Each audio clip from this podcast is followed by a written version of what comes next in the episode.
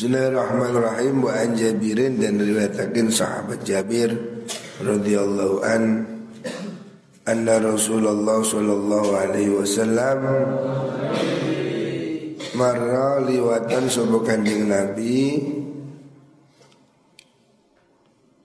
bisuki kelawan pasar. Suatu saat kanjeng Nabi lewat di pasar. Dakhilan halikang mlebu mim ba'dil aliyati sangking sebagiane panggonan kang dhuwur dari sisi yang sebelah yang tinggi. Wanasu hal udai menungso iku kanafataihi ono kiwa tengene kanjeng Nabi. Suatu saat Nabi datang ya, ke pasar dari sisi yang agak tinggi orang-orang di kanan kirinya. Famarranu lilewatan sapa kanjeng Nabi? Bijadiyin. Bijadiyin kelawan cempe. Jadiin itu anak kambing yang jantan. Cempe. Cempe itu ya, anaknya kambing Asaka kang cilik kupinge. Asaka itu maksudnya cacat. Ada anak bangkai anak kambing. Maidin kang mati.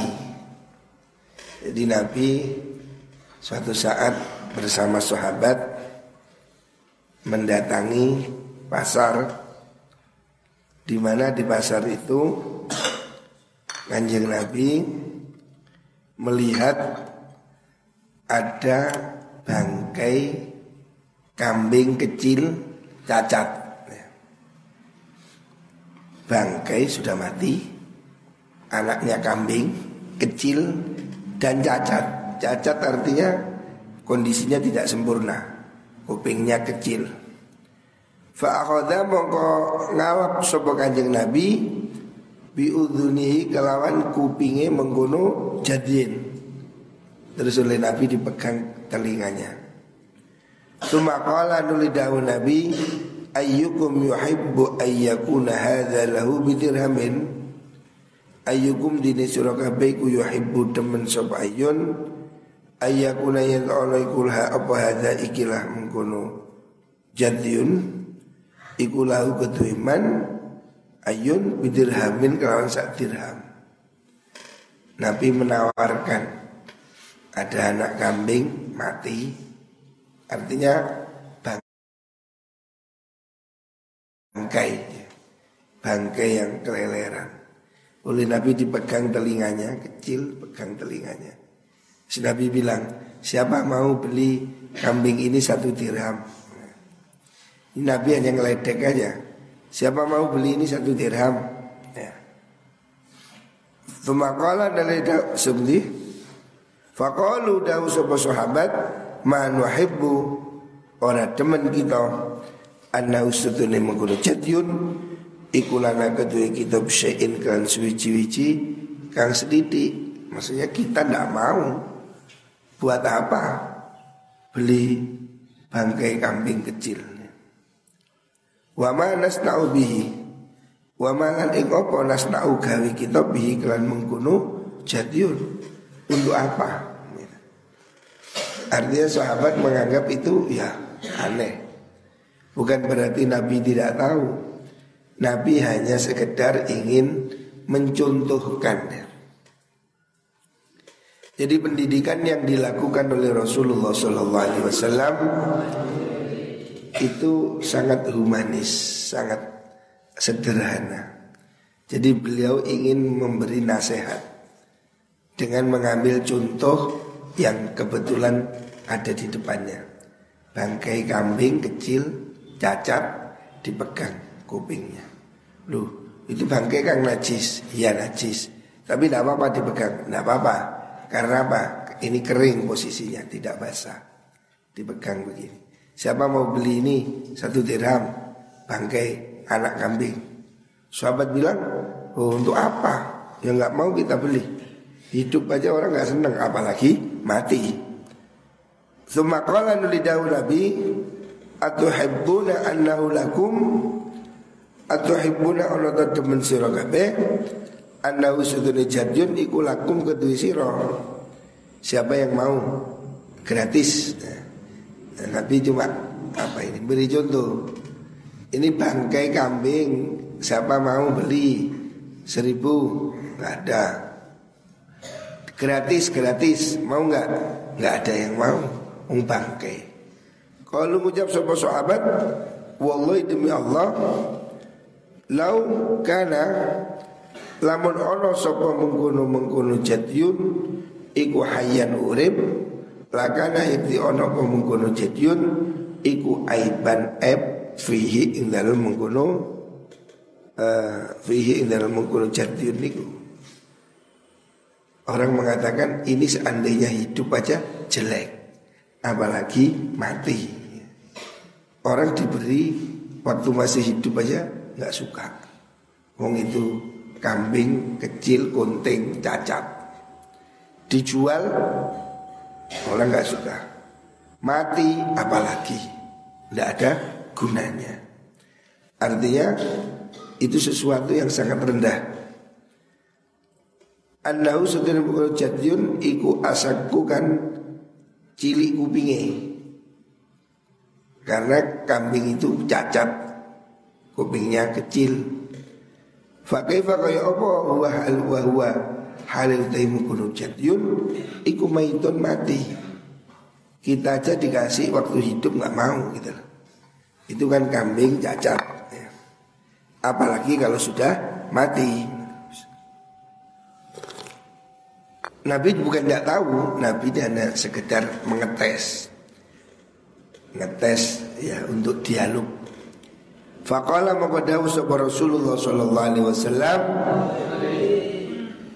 Fa wallahi demi Allah la dunya yakti utawi dunya iku ahwanu luweh enteng luweh ino alallahi munggu Allah min hadza sanging ikilah jadyun alaikum ing atase sira kabeh. Rawahu muslim. Rasulullah Shallallahu Alaihi Wasallam hanya mau memberi gambaran. Kamu tahu kan, ini bangkai kambing kecil cacat, hidup pun jelek, mati nggak ada orang mau. Artinya Nabi beri contoh seperti ini, seperti bangkai kambing yang tidak berharga itu. Itulah gambaran dunia di sisi Allah. Artinya dunia dan isinya ini di sisi Allah tidak ada harganya. Sangat tidak berarti. Ya bagaikan bangkai kambing yang cacat. Kamu diberi aja tidak mau. Allah menganggap dunia ini seperti bangkai kambing itu. Artinya Gusti Allah itu nggak butuh, ya. nggak butuh sama sekali. Rendah di sisi Allah. Makanya kita jangan mendewa-dewakan dunia. Dunia yang kamu anggap hebat itu tidak ada artinya di sisi Gusti Allah. Maksudnya apa? Maksudnya kita ini jangan menjadi tamak urusan dunia. Jangan kita rakus, jangan jadi pelit ya. Dunia ini sesuatu yang sangat rendah di sisi Allah.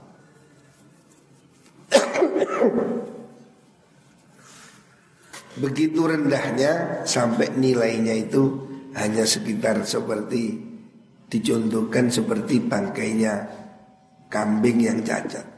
Tidak ada orang mau. Ya. Allah juga nggak begitu. Allah jangan kamu pikir butuh sama uangmu. Enggak. Lola kita kok disuruh zakat, disuruh sodako. Supaya kita itu jangan kemantil hati kita pada dunia. Makanya disebut sodako. Sodako itu kejujuran, kesungguhan. Kalau kita jujur, serius, sungguh-sungguh mencintai Allah, berikan harta yang kau punya. sedekahkan sebagai bukti kamu lebih mencintai Allah dibanding harta.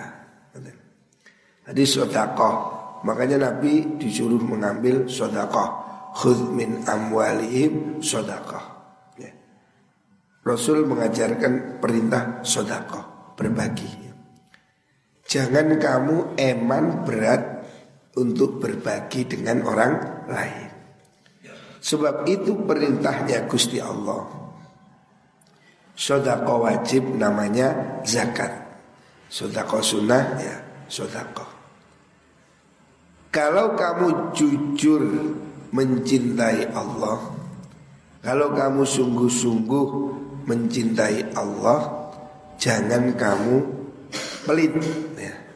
Tunjukkan kejujuranmu Tunjukkan kesungguhanmu ya. Kesodakohanmu Sodakoh itu artinya kesungguhan Kesungguhan, ketulusan Berikan sodakoh kamu harus lebih mencintai Allah dibanding harta. Bukti apa? Buktinya kamu mau sodako. Kalau taidawi Jabir rupani kana fataihi ay min janibaihi tegesi saking arah luruni Jabir. Al ay arah luruni kanjeng Nabi. Wal asakku te maknane asak iku as-saghirul udhuni kang cilik kupingi gunting cacat. Jadi Rasulullah Shallallahu Alaihi Wasallam menggambarkan betapa kecilnya nilai dunia di sisi Allah. Maka jangan kamu rakus pada dunia. Wan Abi Dzar dan riwayatakan saking Abi Dzar radhiyallahu an qala dawu sapa Abu Dzar Kuntu ana sapa ingsun Iku amsi lumaku sapa ingsun. Ma'an Nabi serta Nabi Muhammad sallallahu alaihi wasallam. Fi harah fi haratin ing dalam tanah harah. Harah itu daerah yang berbatu. Tanah tanah datar yang berbatu bil Madinah ing dalam kota Madinah. Suatu saat kanjeng Nabi berjalan dengan sahabat Abu Dhar di tanah yang lapang yang penuh batu disebut harrah. Fastakbalna mongko mapak ing kita sopo napa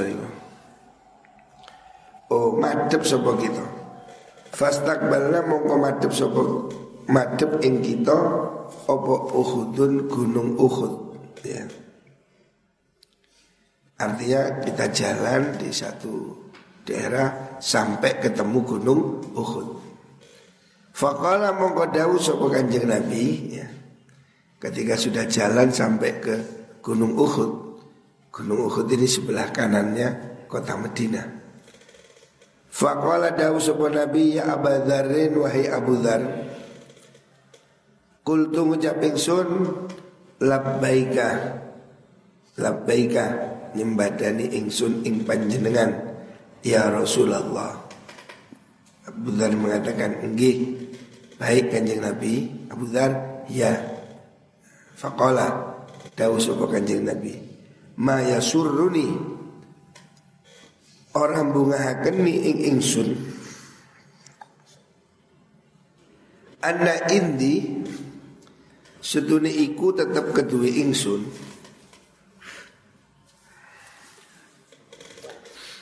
Mitlu Uhudin Padane gunung Uhud. Hada rupane ikilah Uhud. Nabi mengatakan Seandainya saya punya Gunung Uhud ini dan dia jalan di situ Gunung Uhud ya, gunung besar seandainya saya punya sak gunung Uhud ya.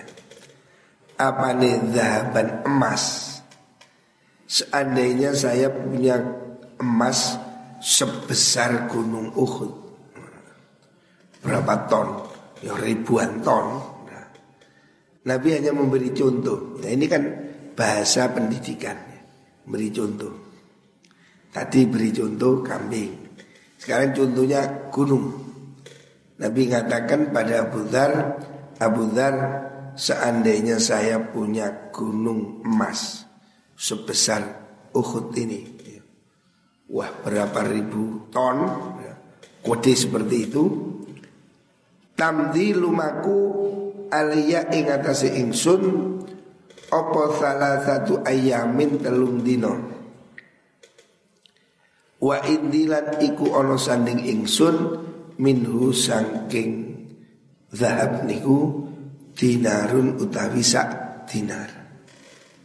Nabi mengatakan seandainya ini bahasa kias. Seandainya saya diberi gunung Uhud berupa emas. Artinya seandainya saya punya harta yang banyak ya, se sebanyak ini maka tidak sampai tiga hari sudah saya bagi semua ya tidak tersisa satu dinar. Artinya Nabi ini saking dermawannya. Beliau itu tidak ingin nyimpen apa pun. Seandainya gunung Uhud itu jadi emas, kata Nabi, saya akan bagikan dalam tempo tiga hari saja. Semuanya tak berikan semua. Gak sisa sak dinar pun. Gak sisa sedikit pun. Illa syai'an angin suci-wici. Ursiduhu kang nyawisaken ingsun hu ing syek lidaini maring nyaur utang. Jadi kanjeng Nabi mengajarkan seperti itu. Betapa dermawannya kanjeng Nabi. Seandainya gunung Uhud ini diberikan pada Nabi dalam bentuk emas. Artinya Nabi mengatakan seandainya saya punya emas sekian ribu ton seberat gunung. Gunung berapa beratnya? Gunung di Arab beda dengan di Indonesia. Di Arab itu gunung itu full batu, batu memang. Kalau di Indonesia kan tanah. Kalau di Arab gunung itu betul-betul batu keras itu.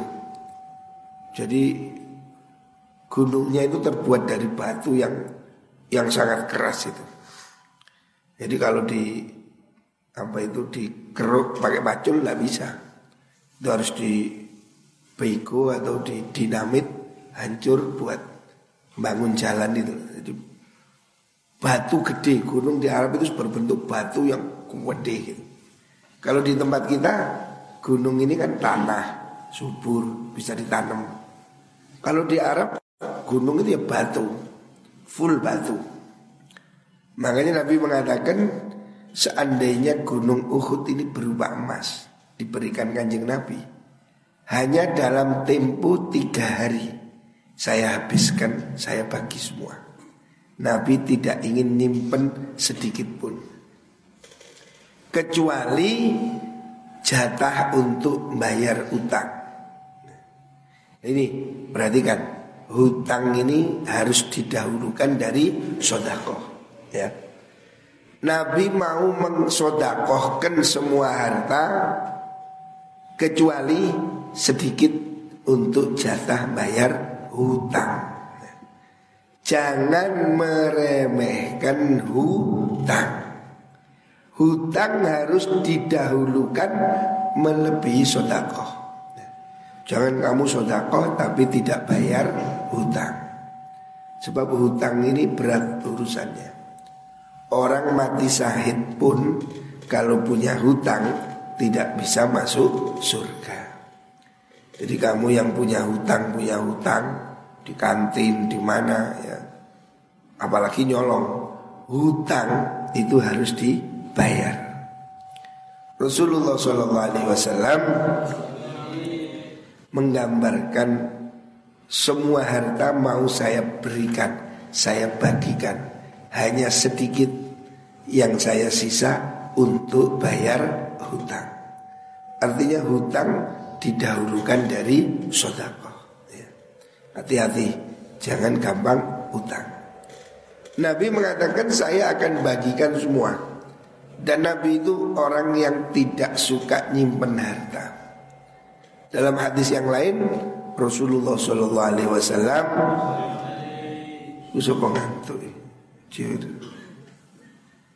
Kanjeng Nabi itu pernah habis sholat asar Jamaah asar Habis salam Assalamualaikum Assalamualaikum Langsung berdiri pulang Sahabat bingung Ada apa?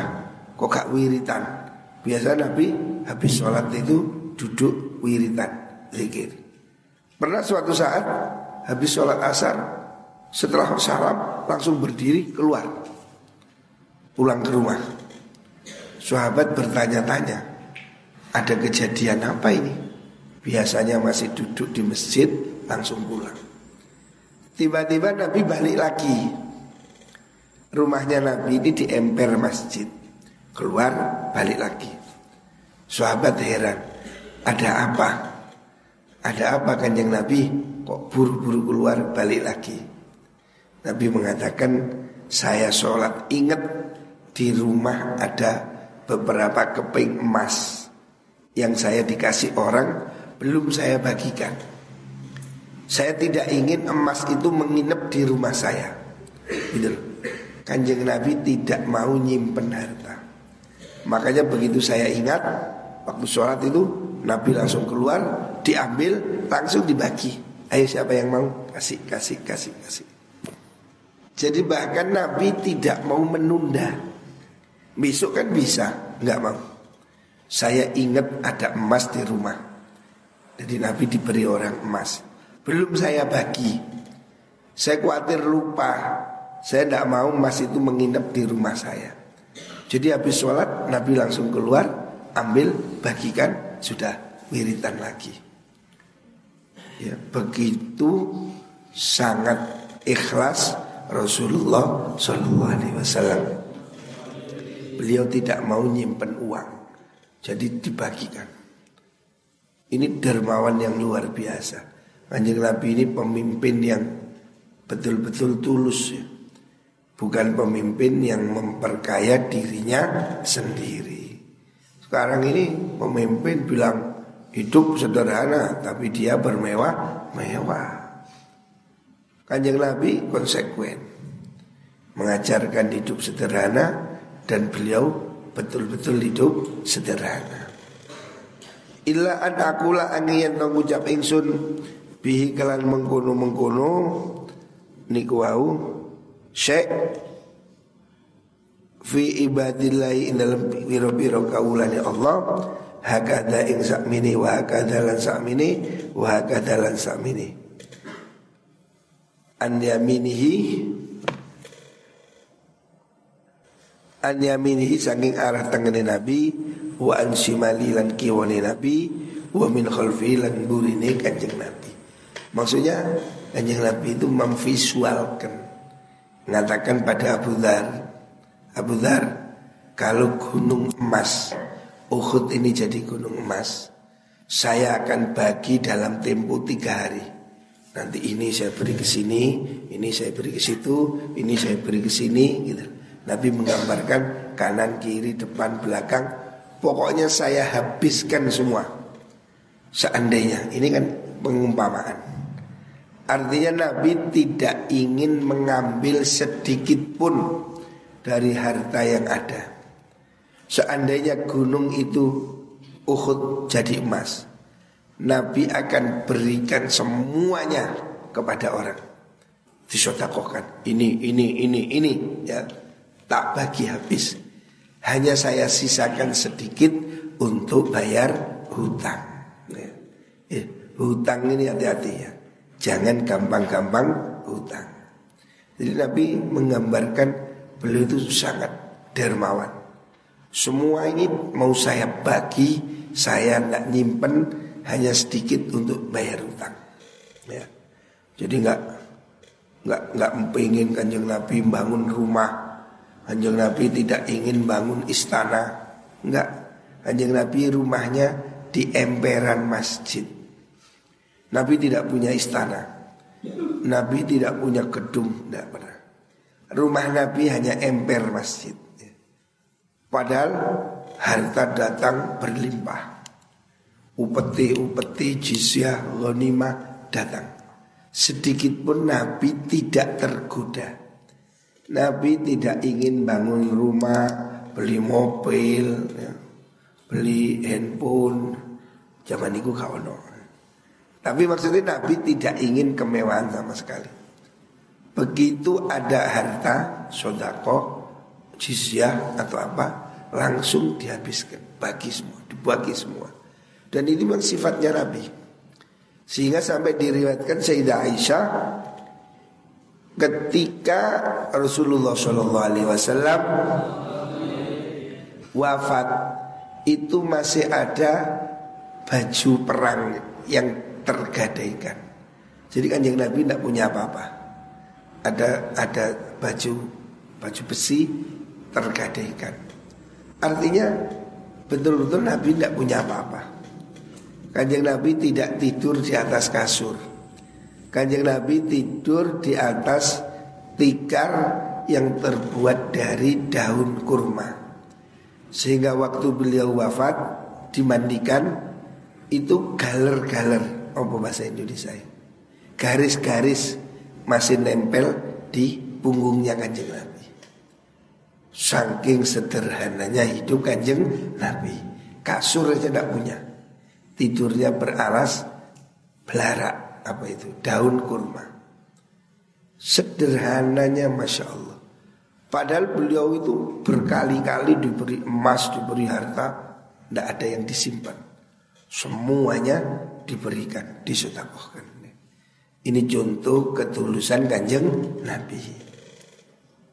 Sumasara nuli lumaku sopo kanjeng Nabi Fakola dawu sopo Nabi Innal aksarina sudri wong kang akeh bondone Humul aksarin Iku al akolluna wong kang podos titik dunyane ya uh, setitik ganjarane.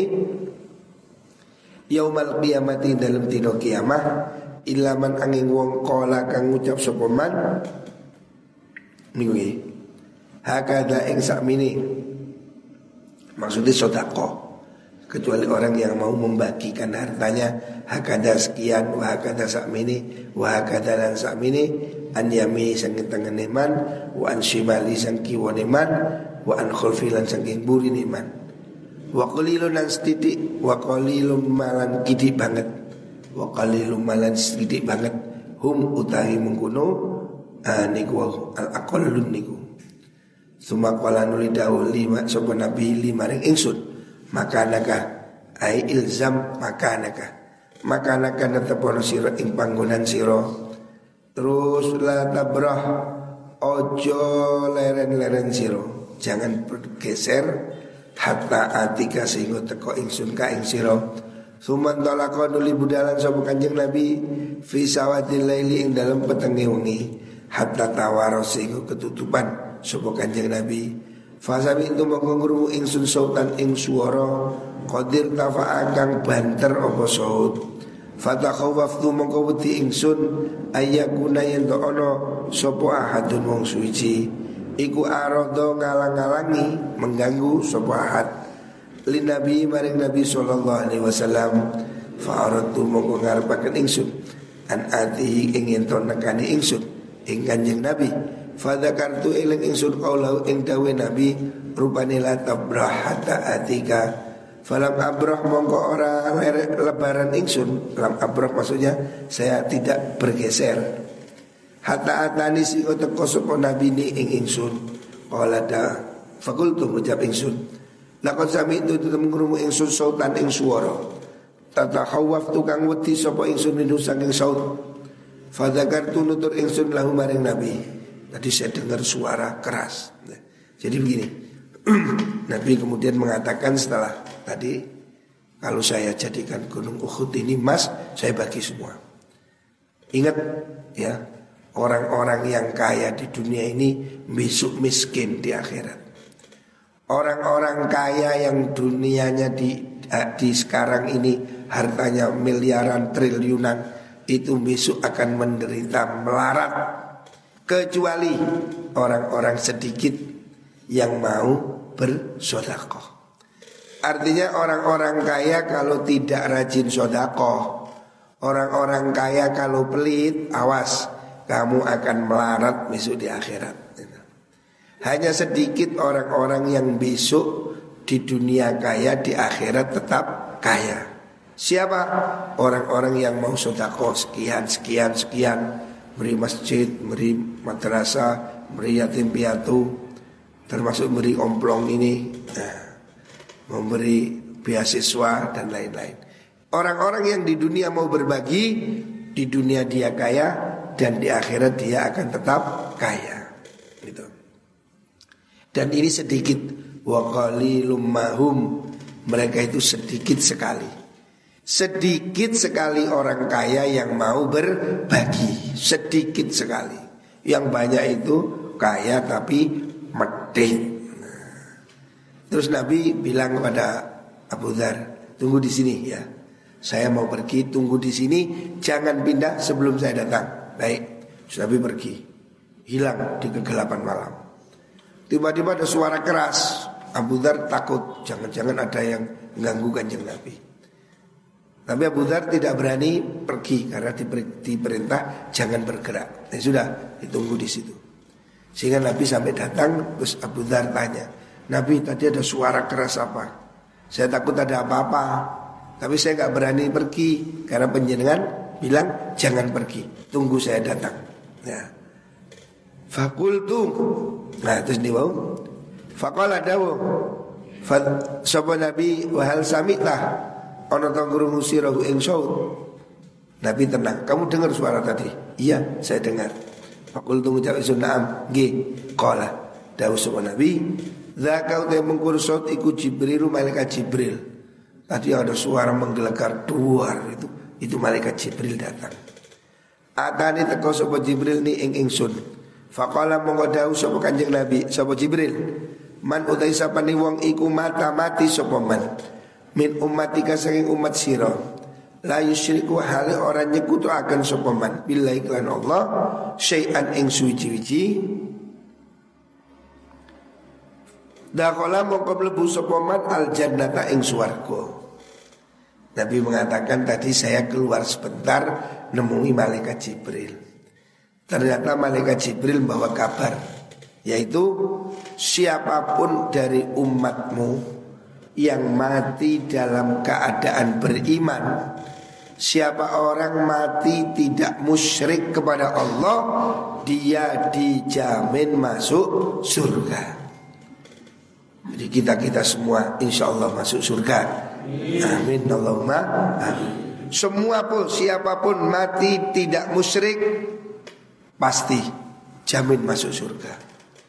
Langsung yora bisa jadi kalau dia belum taubat ya mampir dulu ke neraka. Tapi kalau dia sudah taubat dosa apa pun diterima ya dia langsung masuk surga. Kultu ngucap ingsun wa in zana wa in sariko. Abu Dhar bertanya, wa in zana senajan zino sopeman, wa in saroko senajan nyolong sopeman. Lah Nabi, semua masuk surga. Meskipun zina, meskipun pernah mencuri. Qala daun Nabi wa in zana wa in. Ya, wa in zana senajan zino sopeman, wa in saraka senajan nyolong sapa man. Muttafaqun alaih. Hadal hadis muttafaqun alaih. Wa hadha lafzul bukhari. Ini riwayat Imam Bukhari. Artinya Rasulullah sallallahu alaihi wasallam menggaransi asalkan masih ada iman walaupun pernah mencuri walaupun pernah berzina Artinya walaupun berdosa besar Orang itu pasti tetap bisa masuk surga. Perkara dia masih dihisap, dihukum, nyemplung neraka Itu hanya sementara. Artinya orang mukmin Walaupun berdosa besar Zina, nyuri masih punya harapan masuk surga. Ya. Jangan putus asa. Apalagi dia mau taubat. Walaupun dia mantan preman, mantan pemabuk, kalau dia taubat pasti, pasti ya taubatnya sungguh-sungguh pasti diterima oleh Gusti Allah. Surga di depan mata. Kalau belum taubat, ya mungkin mampir dulu ke neraka. Tapi mungkin juga diampuni oleh Gusti Allah. Jangan putus harapan bahwa selain musyrik ya innallaha la yaghfiru ayyusyraka bih wa yaghfiru ma duna. Yang penting jangan musyrik. Allah tidak mau ngampuni kalau musyrik tidak ada ampun. Tapi kalau selain musyrik Mau itu orang ahli zina PSK oh, PSK Balon nih lo Balon. Wal balonu wal malingu. Oh, Pokoknya dosa apa pun Masih ada harapan diampuni oleh Gusti Allah. Masih ada harapan masuk surga kalau diampuni oleh Gusti Allah. Wallahu